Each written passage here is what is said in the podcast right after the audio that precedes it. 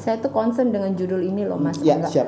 Ayo jadi pengusaha. Hmm. Ini gua banget. Ya. Kenapa? Ini uh, seksi menurut aku. Hmm. Kenapa untuk menjadi uh, pengusaha itu gampang sebenarnya Hmm. orang ini, tapi men- menjalankannya itu yang sebenarnya jangan Hmm. ini yang saya bilang ada positioning yang Iya. menjadikan kita menjadi titik pengusaha Iya. yang real Hmm. ada kan yang besar ada yang kecil Hmm. tapi yang menjadi pengusaha yang punya integritas Iya. dan punya ibaratnya em, apa sih namanya. Kita punya diferensiasi lah berbeda. Karena yang dicari adalah sebagai pengusaha either nggak ada aku tapi Hmm. kan orang sudah membaca nama. Ya, ya, nah, ya. itu yang penting.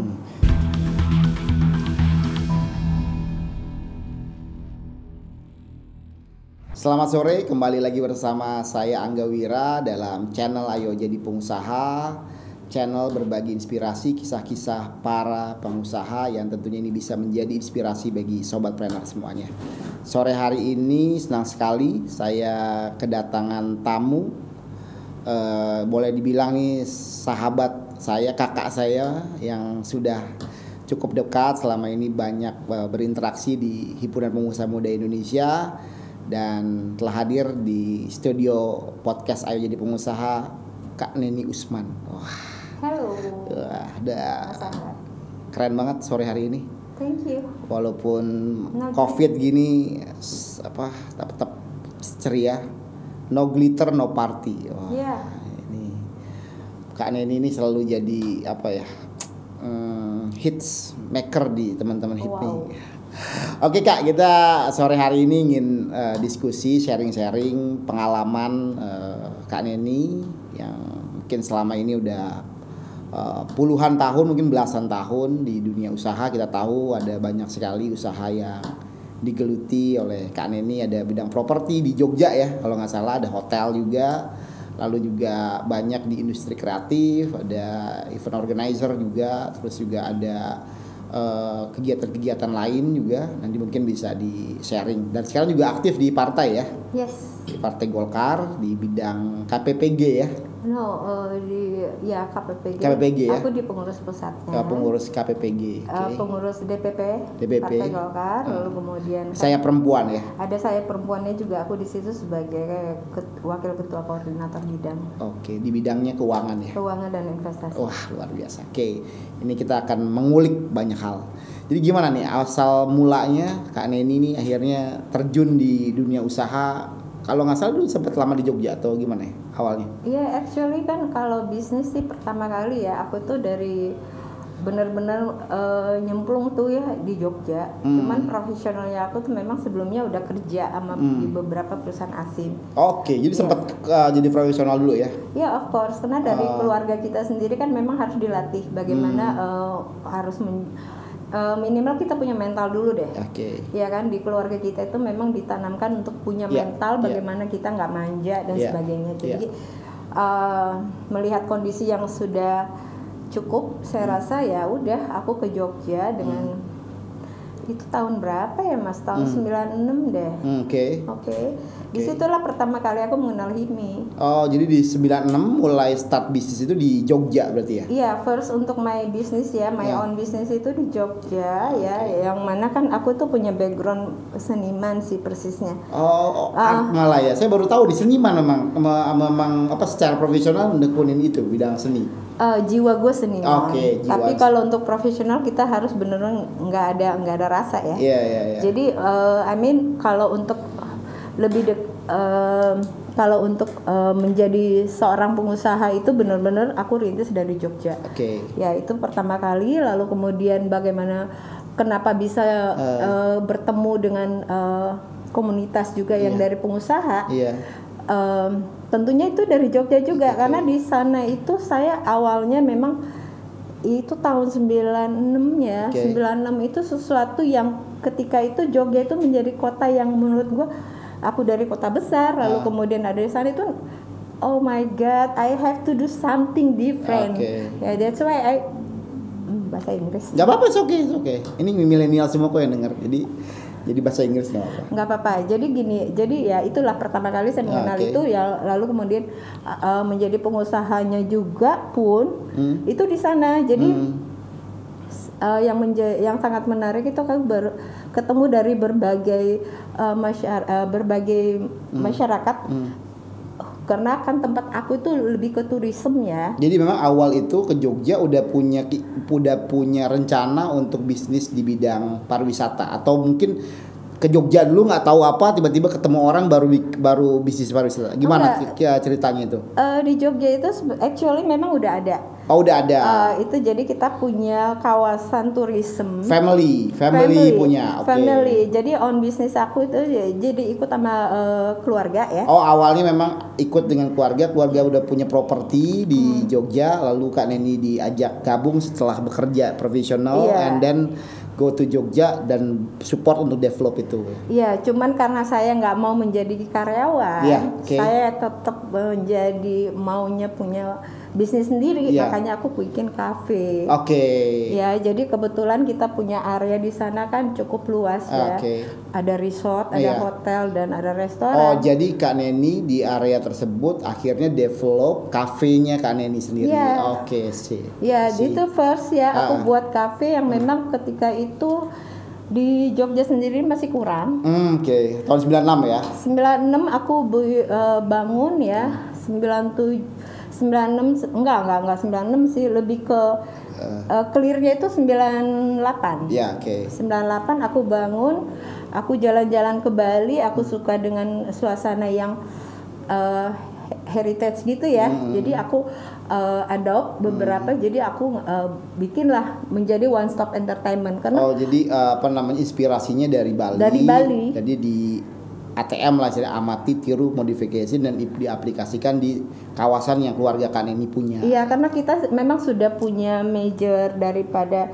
core bisnis kita itu adalah kita punya Ramayana Ballet di yang ada di Jogja itu kan punya kita. Ramayana Ballet ya. Iya, itu salah satu the best tourism object ketika Hmm. itu kita dapat penghargaan yang juga udah masuk Muri. Hmm. Ah, itu concernnya hanya di entertainment Ramayana Ballet itu lalu kemudian ada restoran. Ya, Hanya dua konten itu. Cuman karena munculnya saya sebagai anak yang eh, mau berbeda, aku minta supaya saya punya satu part sendiri. Saya membangunlah kafe. Hmm. Kafe itu yang kemudian terintegrate menjadi one stop entertainment. Jadi setelah bule-bule karena kan kita mayoritas eh, segmen pasar itu dari mancanegara. Iya, ya dia setelah lihat tari-tarian apa Iya. langsung kafe gitu juga. Langsung ke kafe. Jadi aku berani ketika itu. Oke. Jadi first untuk eh, Ceylon Seven, Oke. J- Jiku Stick itu semua awalnya dari kafe aku. Hmm, jadi main di sana ya. Main di sana. Hmm. Jadi itu tahun mungkin yang pernah di Jogja lama. Hmm. Pemain lama lah maksud saya. ya. Iya. itu udah tahu lah namanya Oke. kafe aku di sana. Itu awalnya. Jadi untuk menjadi masuk ke hipminya, Hmm. ke pengusahanya itu karena kafe kafe aku tuh ketempatan sama orang-orang hipmi. Oh jadi kenal nggak sengaja akhirnya jadi bergaul and then pergaulan yang dari Jogja akhirnya juga itu ke bawah sampai Kak Neni juga akhirnya eh, apa kembali ke ibu kota ya kira-kira gitu. Enggak, Enggak jadi gitu? aku justru nggak mau kembali ke Jakarta. Oh, oke. Karena di sana udah steady ya, Iya. eh, dan itu berkembang. Ah, Lalu kemudian saya ke, saya kan asli Makassar ya. Iya iya. Ke sana lalu kemudian ada beberapa eh, tawaran untuk eh, masuk ke BPP. Oke. Cuman kan pintu masuk itu aku awalnya nggak paham. Hmm, Jadi aku masuk dari Sulawesi Selatan dulu. Iya iya. Di Sulawesi Selatan kebetulan aku buka kantor lagi di sana. Itu kalau di Sulawesi Selatan di Makassar apa? Di Bergeraknya Makassar. di bidang apa? Event organizer. Oh, jadi malah IO-nya secara secara apa provisional startnya memang di di Makassar ya? Nah ini yang menarik nih. Ah, Kenapa gue buka di Makassar?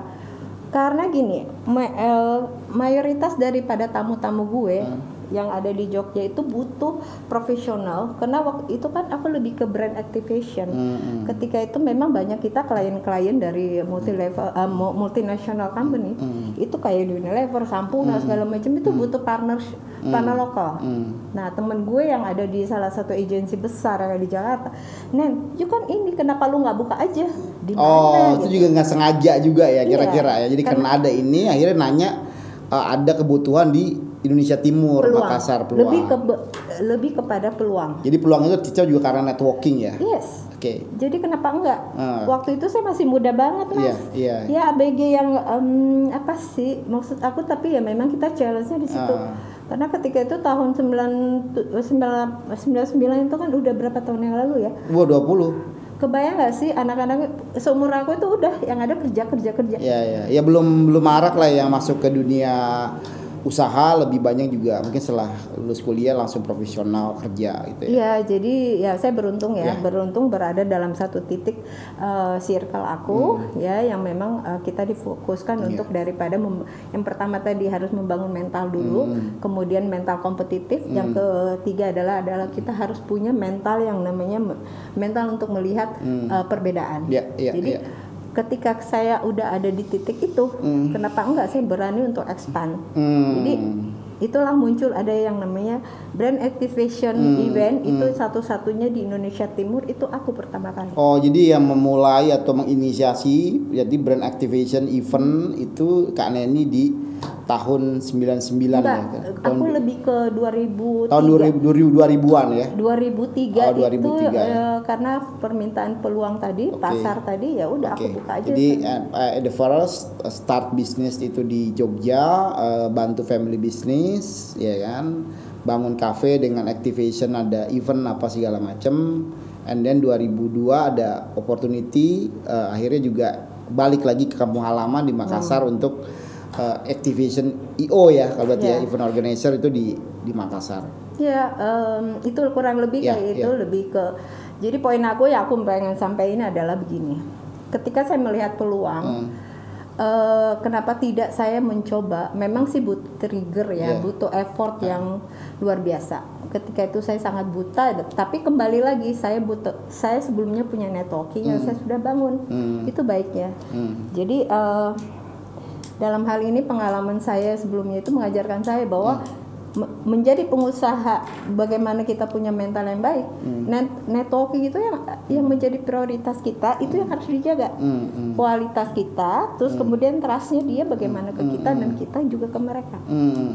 Itu. Jadi suka dukanya apa tuh? Ketika misalnya kan artinya udah kan ini udah settle nih di Jogja udah berjalan, bisnisnya udah oke, tiba-tiba harus harus hijrah, bukan hijrah ya, boleh dibilang mengembangkan titik lagi di di Makassar yang benar-benar itu kan artinya dari nol kan, benar-benar nol. Jadi gimana challenge-nya apa? Tantangan suka dukanya pada waktu itu? Ya bener banget karena kalau untuk yang benar-benar aku build up dari diri aku Iya. sendiri Iya. dari hobi gue Iya. itu adalah yaitu di Makassar. Di Makassar kan? Jadi Oke. first aku buat jadi em, apa ya sebenarnya aku ini banyak keberuntungan sih. Hmm.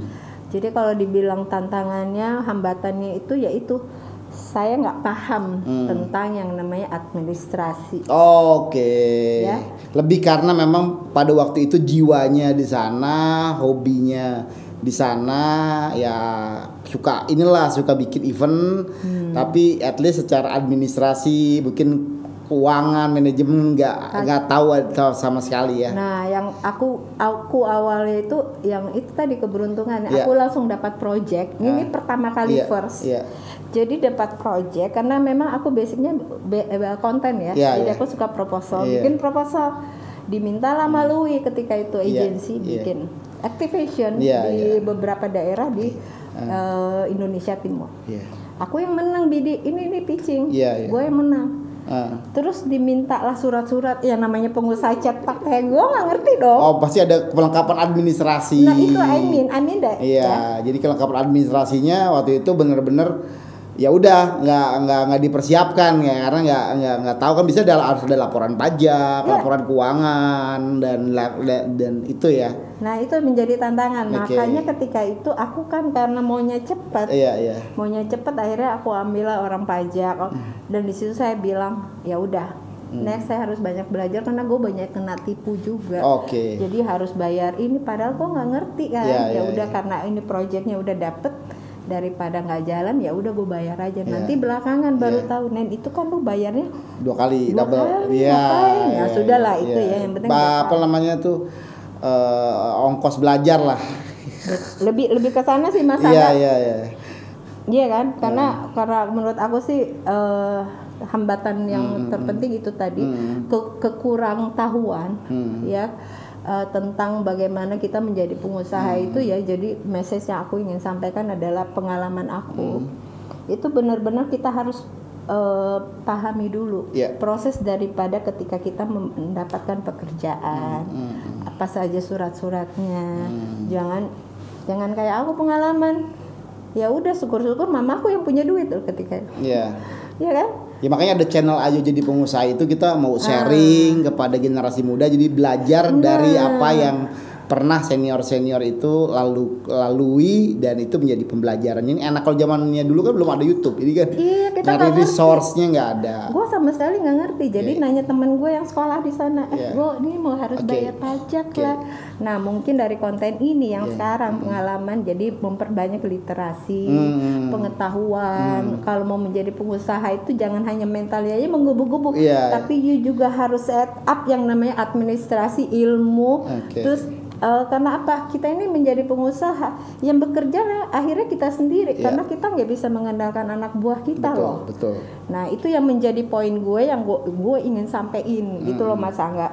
Jadi eh, apa ya itu tadi lebih ke administrasi Ya. bagaimana kita menjadi pengusaha itu benar-benar harus banyak eh, berani untuk mencari tahu. Hmm, hmm. Karena kalau kita serahkan saja ke eh, staff, ke karyawan yang ada kita kena dan kita nggak punya pengalaman akhirnya kan. Jadi eh, walaupun memang istilahnya dipenu- dibutuhkan suatu apa semangat tadi nekat mentality, tapi at paralel itu harus juga tetap belajar ya, learning supaya tahu sehingga tadi sehingga bisa ada pertumbuhan growing kan. Jangan sampai hanya satu kali dapat dapat pekerjaan dapat dapat project gitu tiba-tiba akhirnya after that karena nggak perform nggak bisa lihat report nggak bisa apa akhirnya malah jadi nggak nggak berlanjut kira-kira Iya, gitu kali ya kurang Deni ya? lebih kayak gitu jadi poinnya gitu tadi jadi kita ju- jangan terlalu ngebosi lah diri Iya, kita iya, sendiri iya. kita harus memang menjadi pengusaha Hmm. itu bukan hanya subjek yang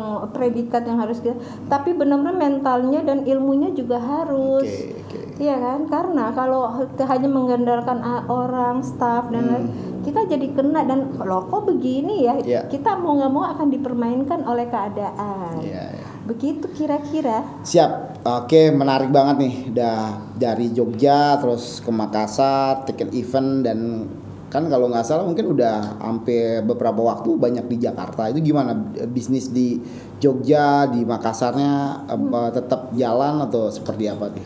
Alhamdulillah sih kalau Iya. yang di Jogja sam, sejauh ini udah udah running lah ya. Ya, ada udah udah running ya. iya, oke. Jadi kita karena kan kalau di Jogja itu kita kerjasama hampir ke semua travel yang iya, ada di Indonesia maupun di Tapi internasional. dengan Covid gini terpukul banget dong. sangat. Sangat, ya. Jadi eh, nggak ada satupun yang mengatakan bahwa itu nggak terpukul. Iya. Khususnya di hotel ya, Iya, iya. di hotel dan restoran. Hmm, hmm. Itu awal-awal di bulan Maret, April Hmm. itu masih bisa. Tapi udah Mei ke sini udah lah ya selesai lah. Hmm. Iya kan? Hmm. Ya udah kita doa aja gitu kan. Iya. Nah, cuman ya memang harus yang harus diwaspadai yang Hmm. kemarin itu ya yang namanya pengusaha kan kita harus Hmm. eh, nggak boleh me- eh, nggak boleh apa ya sih istilahnya kita nggak boleh terpuruk Iya, ya. iya. Kita harus bangkit ya.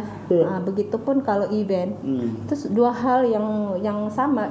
Jadi eh, Ya artinya dua-dua apa activity eh, Kak Neni sendiri kan benar-benar terpukul ya atau yang satu lagi memang pariwisata langsung cafe yang itu berhubungan juga dengan pariwisata yang satu lagi juga event yang itu kan biasanya banyaknya ya harus ada tatap muka kan harus ada harus ada pertemuan harus ada acara kan nah benar-benar berarti sekarang dalam 3-4 bulan terakhir ini cara way outnya gimana nih Ya, untuk makanya- bisa bisa survive cara untuk survive ya satu. Untungnya kan kita eh, alhamdulillah ya. iya Em, itu tadi tabungan. Iya, mantap ya makan tabungan.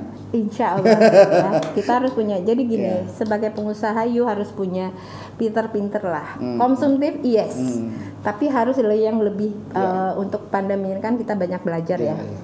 Alhamdulillah sih, yang yang paling berat itu ke- eh, ketika kita harus memba- memprioritaskan membayar gaji mereka. Hmm, hmm.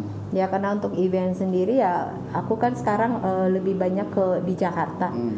Kalau di Jakarta saya lebih aktivitasnya itu lebih ke organisasi. Hmm. Jadi ibaratnya untuk bisnis saya udah dijalankan oleh anak-anak saya di sana. Hmm, Lalu kemudian untuk saya sendiri sekarang lebih ke prioritas bagaimana eh, bergabung di partai politik juga. Tapi kan kalau nggak salah di partai politik juga eh, Kak Nenis juga yang banyak mensupport uh, kegiatan atau activation activation program ya dari dari Partai Golkar ya. Itu gimana suka dukanya pasti kan juga beda ya kan. Mungkin dulu ya kalau sekarang bukan newbie lah, tapi mungkin beberapa waktu yang lalu kan sempat jadi newbie di partai, anak muda tiba-tiba harus ketemu sama senior-senior. Itu gimana tuh cara treatmentnya dan ya walaupun mungkin ya saya tahu eh, karena ini keluarga eh, juga dengan latar belakang juga di politik tapi kan mungkin selama ini bu- belum belum yang kali ini belum yang terjun langsung kan ke politik tapi tiba-tiba harus berhadapan yang kayak gitu gimana tuh menghadapinya tuh Nah, jadi gini, Hmm. inilah kembali lagi ya Eh, pengusaha lalu kemudian terjun ke politik Hmm. itu dua hal yang menurut aku sih sangat kontras hmm. ya. Waktu itu saya memang ya karena memang eh, mostly ya keluarga aku di partai politik. Hmm.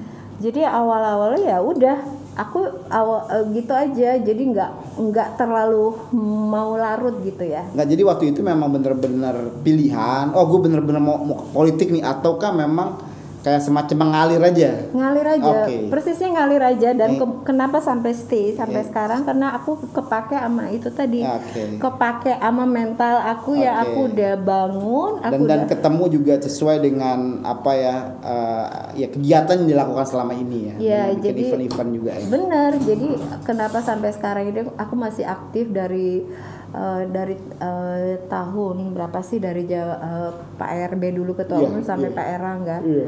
itu karena saya punya skill sih sebenarnya ya. Jadi lebih banyak mak- makanya saya bilang lebih banyak kepada orang mengenal saya karena saya punya skill itu tadi. Bagaimana bisa memanage sebuah acara yang menjadi ya biasanya sih out of the box gitu.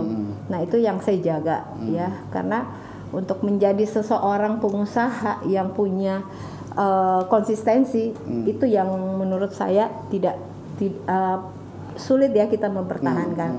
Nah, poin saya di sini adalah karena saya tahu di luar sana lebih banyak yang lebih hebat, Hmm. ya kan? Terus kemudian dengan berbagai lika-liku, hambatan dan tantangannya, aku sih lebih percaya dengan yang itu tadi mental mentalnya kita, lalu kemudian bagaimana kita punya mindset, lalu bagaimana kita punya eh, wawasan intelektual kita juga harus menjadi satu kesatuan. Jadi kita bisa menjadi seseorang yang dibutuhkan. tapi tetap di partai juga kompetisinya malah sangat sangat kuat. Misalnya artinya untuk misalnya untuk dipercaya untuk handle event atau apa itu kan bukan berarti istilahnya pengurus tiba-tiba langsung dapat gak gitu juga nggak ya bisa nggak Oke. bisa gitu juga karena Iya. kan di tahu sendiri mas partai Golkar Iya, ya iya, kan? iya. partai Golkar itu ibaratnya sistemnya yang bekerja iya iya jadi you kalau nggak punya potensi nggak punya apa ya udah hilang begitu iya. aja nah kalau kompetisi jelas. Kalau saya memang profesional mas. Iya. jadi profesional saya diuji di sini saya sebagai kader sekaligus sebagai profesional. Karena mostly yang uh, request ke aku itu adalah elit-elit dari partai sendiri. I mean personal ya. Iya. Nah, lalu kemudian dia uh, itu salah tadi percaya dengan kualitas saya yang alhamdulillah itu saya bisa jaga. Oke. Tapi sebagai kader tetap saya harus bekerja sebagai relawan. Tapi ketika diminta menjadi profesional, saya harus me- me- memperlihatkan profesional Oke. saya. Jadi harus bisa juga menempatkan posisi di mana itu yang bekerja secara voluntary, ada satu sisi memang bekerja secara profesional. Ya seperti Munas kemarin iya, kan, iya, itu iya. challenge-nya luar biasa. Short lah waktunya saya ingat waktu itu kan Oh, kayak loro jonggrang gitu sih. Satu hari langsung harus jadi kan. Gila, Iya, iya, itu iya. satu challenge yang buat aku dan alhamdulillah itu menjadi privilege gua ke depannya. Oke. Karena begini, saya sih lebih fokus kepada bagaimana eh, memberdayakan eh, potensi kita ya. Saya tuh concern dengan judul ini loh Mas. Ya, Angga. siap. Ayo jadi pengusaha. Hmm. Ini gua banget. Ya. Kenapa? Ini eh, seksi menurut aku. Hmm. Kenapa untuk menjadi eh, pengusaha itu gampang sebenarnya Hmm. orang ini, tapi men- menjalankannya itu yang sebenarnya jangan Hmm, ini yang saya bilang banyak Jadi gam untuk menjadinya gampang, but untuk survive mempertahankannya dengan lika-liku tantangan apalagi banyak perubahan itu yang sulit. Nah apa nih kira-kira kiat-kiat dari Kak Neni puluhan tahun di dunia usaha untuk bisa survive kunci utamanya ini apa Kak? Itu tadi pertama untuk menjadi pengusaha memang kita harus benar-benar jaga kepercayaan. Oh, integrity. Integritas itu Percaya. tadi, ya, Ya, kan? oke. Karena yang namanya modal, banyak kan orang bilang gua nggak punya modal nih. Uang capital ya. Iya kan, capital gua nggak ada gini gini. Iya. Aku pernah ada di titik itu. Oke. Gua nggak punya duit, ujuk-ujuk tahun berapa tuh ya, terus tiba-tiba orang ngasih aku pekerjaan. Oke. Karena dia bilang, you mampu, you bisa, you Oke. ini. Jadi nggak pakai modal pun bisnis itu bisa jalan sebenarnya kalau ada orang yang trust, Trust. percaya. Oke. Trust itu tadi yang Hmm. untuk membangun trust, you butuh proses. Ya, ya. Makanya aku bilang lu jangan pernah deh mau mau mau bikin orang nggak percaya sama lu kalau Hmm. Iya, lu iya. bisnis mau jadi pengusaha. Iya, iya. Kalau mau begitu ya sudah jangan jadi pengusaha. Oke. Karena saya melihat Hmm. sekarang banyak yang menjadi pengusaha tapi ya udah ke sana kemarin masih bawa proposal. Iya, iya. Iya kan? Iya. Kalau kita kan nggak perlu. Iya, ya maaf ya. Iya, iya. Artinya gini, ada positioning yang Iya. menjadikan kita menjadi titik pengusaha Iya. yang real. Hmm. Ada kan yang besar, ada yang kecil. Hmm. Tapi yang menjadi pengusaha yang punya integritas Iya. Dan punya ibaratnya em, apa sih namanya? Hmm. Kita punya diferensiasi lah, berbeda. Karena yang dicari adalah sebagai pengusaha either nggak ada aku, tapi kan orang sudah membaca nama. Iya, iya, Nah, iya. itu yang penting. Jadi untuk misalnya untuk mau naik kelas jadi pengusaha itu harus uh, punya integrity, bisa uh, mempertahankan kepercayaan orang lain ya. Harus. Terus modal Oke. itu akan datang dengan Oke, sendiri. karena orang percaya, automatically modal itu akan mudah di, didapat ya. Dapat. Jadi ya itulah gunanya kita bersinergi. Kenapa begitu? Karena saya percaya banget. Hmm. Saya dari pernah punya ada, Hmm. ya untungnya sih saya belum saya sejauh ini belum pernah berurusan dengan bank. Hmm.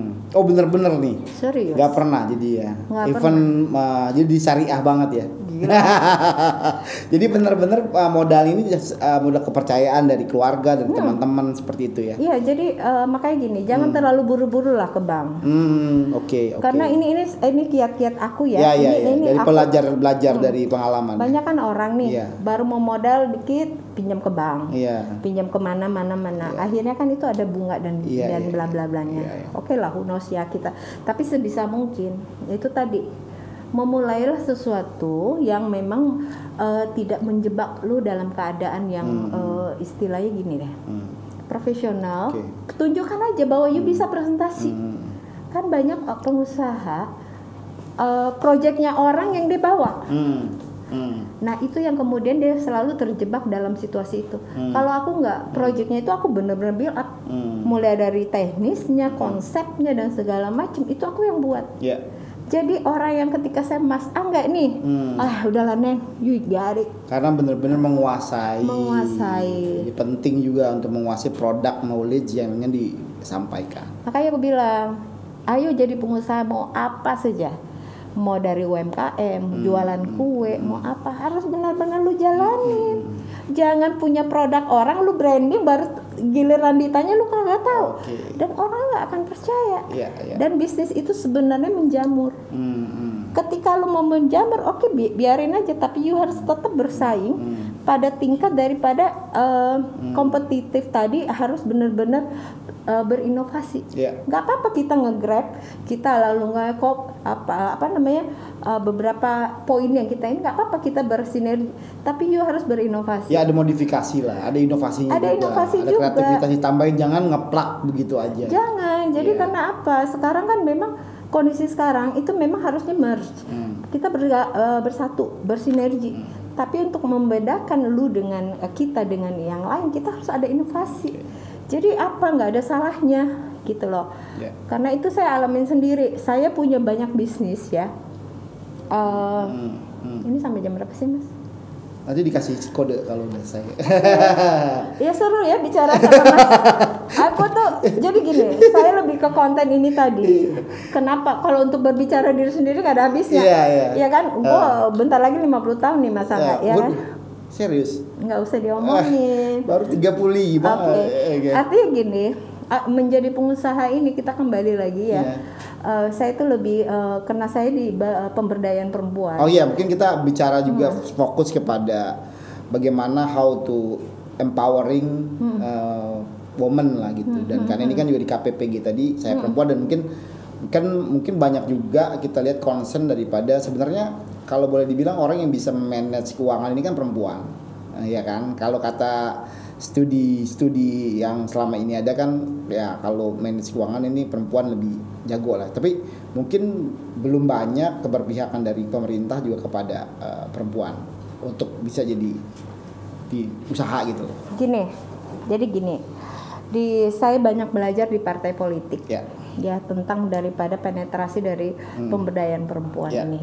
Kebetulan saya di pengurus pusat juga, saya dipercaya sebagai apa namanya yang ngurusin perempuan Ya. lah bidang perempuan. Sementara kalau di KPPG sendiri saya ngurusin bidang keuangan dan investasi. Pas tuh nyambung itu ya. Ya, jadi eh, saya dengan kita berbicara yang ini aja ya isu sekarang ya Mas Angga ya. Ya. Kalau berbicara sekarang kondisinya itu perempuan berada dalam eh, mungkin yang bisa bangkit adalah perempuan-perempuan yang kreatif, yang bisa menjual apa saja yang dia punya eh, apa namanya hobi, ya kan? Dia buat eh, menjadi sesuatu yang bisa yang bernilai eh, bernilai gitu kan. Nah itu. Nah kenapa kaitannya dengan saya sangat concern dengan pemberdayaan perempuan karena kan tingkat ke apa namanya tingkat kesejahteraan daripada keluarga itu adalah bagaimana kita melihat perempuannya itu happy. Ya betul betul. Kalau kalau perempuan sejahtera, perempuannya bahagia, pasti keluarganya juga akan bahagia Iya pasti bapak-bapak bapak-bapaknya juga happy kan. Ah, iya. Nah, ya kan. Nah, jadi maksud saya jadi eh, kera- eh, apa namanya ekonomi kerakyatan ini yang perlu kita bangun. Ya, ekonomi berbasis keluarga ya. Berba- berbasis keluarga karena uh, kita punya di Golkar sendiri kita itu punya yang namanya uh, one gate policy yang uh, apa namanya semuanya itu bisa berpartisipasi langsung uh, melalui desa-desa karya Hmm, desa-desa karya ada program memang Ada dari program. Partai Golkar desa-desa karya itu Iya. memang lebih kepada empowering daripada desa itu ya. Uh, jadi uh, mereka bisa menjadi satu keluarga itu bisa menjadikan keluarganya itu uh, membuat satu uh, UKM Iya. itu kemudian merangkul yang lain Ya. untuk kita bina Ya, gitu loh. Jadi banyak saya sangat concern sekarang ini hampir mostly tiga tahun belakangan ya saya begitu sangat sayang dengan perempuan-perempuan di Indonesia ya. Apalagi kan pengalaman saya di pengusaha ya. Ya. Kita juga perempuan itu ya itu kembali lagi ke awal bahwa kita tuh harus cerdas. Kita harus mengisi diri kita menjadi orang-orang yang penuh dengan ilmu Iya. ya kan nggak hanya seputar kasur uh, Sumur. dapur dan Sumur. sumur Iya. jadi benar-benar harus keluar kalau perlu ya kayak baju gue ini Wih, no glitter no no party, iya. kenapa di situ Jadi harus bling-bling ya. Eh. Anak-anak perempuan-perempuan itu harus semangat gitu loh, ya kan? actually ya harus begitu harus Oke. harus kita punya punya semangat ya. artinya gini kita jangan jangan menjadi perempuan yang Hmm. kita harus berbeda. Mas Angga nggak mungkin lah dikasih pengusaha laki-laki dan perempuan. Pasti mas Angga mau yang perempuan. Wah, betul. Betul nah ya. itu fakta. Determinasinya ada. determinasinya ada. Itu fakta. Nah kenapa saya sangat concern menjadi tan perempuan itu sebagai eh, sebagai eh, empower untuk mereka bangkit dan mereka mulai be- bisa bertahan. Itu menjaga integritasnya menjaga nama baiknya lalu kemudian menjaga kualitas daripada apa yang disuguhkan gitu. Kira-kira pandangan Kak Neni juga tentang Indonesia ke depan nih seperti apa? Lalu kita harus tetap semangat atau bagaimana? Karena kan situasi juga sekarang tengah-tengah situasi pandemi Covid ini ya kita tentunya harus sampaikan hal-hal yang positif lah seperti itu. Gimana Kak Neni? Eh, saya sih realistis ya, Ya. Mas Angga ya Hmm. hampir almost almost tahun ini kita berada dalam titik tiarap ya parkir. Tiarap ya. ada yang parkir ada yang tiarap ada yang jumpalitan kan Iya, gitu iya. ya jadi eh, optimisnya saya adalah bagaimana kita yaitu tadi kembali Hmm. Menjadi predikat pengusaha itu ya sudah kam- kita berteman aja dulu dengan teman-teman yang karena nggak semuanya kita lini eh, kita sama. Pasti ya di atas kita ada ada yang lebih ini kan. Ya udah kembalikan saja bagaimana kita lebih membuka hati kita membuka eh, wawasan kita bahwa nggak ada salahnya kita say hello sama yang. Iya. walaupun kita nggak bisa saling berdekatan tapi kita Artinya tetap menjaga komunikasi, kolaborasi tetap dijaga walaupun Iya. dengan di situasi yang serba sulit serba saat ini. sulit Iya. harus touch jadi nggak ada salahnya yuk saya hello Hmm. sama teman lo kapan hari itu yang nggak pernah ketemu eh apa kabar Iya. gimana Jadi Lo mungkin di situasi pandemi seperti ini banyak waktu luang mungkin dis- disempatkan untuk menyapa orang-orang yang lama atau Iya, apa begini gitu ya. karena itu bisa menjadi peluang. Oke. Itu bisa menjadi peluang eh, pekerjaan, apalah semuanya Iya, itu iya. bisa menjadi sinergikan. Itu itu tips dari saya yang tanpa biaya. Iya. Terus yang yang dengan biaya. Ya, ada juga nih tips Ada dong. yang luar biasa. Ya. Jadi gini, Ya. menjadi pengusaha di era pandemi, ya Tuhan yang la- yang cuman laris apa jualan kan? Iya, iya. Jualan makan, Iya. ya mostly ya. Iya. Ya udah bener-bener di berbuat sesuatu yang different. Eh, oh di di food food ini penting, terus Hmm. orang butuh butuh makan tapi harus berbeda. Harus berbeda, you Iya. harus punya eh, berani, berani untuk tampil beda, Iya. ya kan? Hmm. Dan berani untuk ya udahlah ya menjadi pengusaha itu ya itu kembali lagi Hmm. ke teman-teman lu jangan malu gitu kan. Eh beli dong nggak apa-apa. Hmm. Hari gini mah nggak ada salahnya. Sayangnya aku nggak bisa menjual mas, nggak Iya. bisa masak. Jadi aku aku cuman bisa ya menjual. Nah, jadi kerjasama Ah, lah, ada kita teman yang punya produk di dibantu. kita ya. elaborasi. Dia nggak punya brand kita bikinin brand. Punya ra- eh, nggak punya dapur kita kasih dapur. Iya kan? Nah yang seperti itu contoh konkretnya. Jadi nggak mesti you harus eh, kurangin malas deh. Ya, ya. aku aja ketemu Mas Angga nih udah lama ya? Udah lama kan? Iya.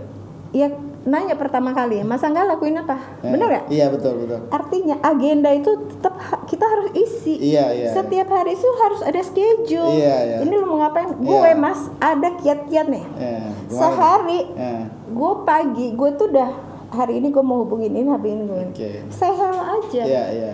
Eh ada chance apa lu Iya, ngapain apa iya, iya. kan bisa terjadi Betul, betul. Nah. dengan berkomunikasi akan timbul opportunity. Ya. exactly apa gunanya kita jadi hipmi Oke, kan ini luar biasa. Kalau nggak di stop stop ini akan ngobrol terus nih udah. Karena kita biasa ngobrolnya sampai tengah malam soalnya. no Oke, Kak Denny terima kasih dan ini ada kenang-kenangan dari Ayo jadi pengusaha. Wow. Ini ada muk. Mungkin nanti kalau kalian ini suka olahraga ini bisa bisa olahraga siang, pagi, malam itu bisa dibawa. Ini ada kaos. Nah, ini keren banget sih dari kita, acaranya kita. Iya dong, harus Acaranya keren dong. keren Kan loh. kita belajar dari Kak Neni. oh my god Oke sobat planner semua, udah kita dengarkan kiat-kiat yang begitu apa ya out of the box dari Kak Neni atau Madam Neni. Ya ini sahabat saya di HIPMI yang ya boleh dibilang tempat teman pagi siang sore malam. bukan teman makan temen ya Bukan teman.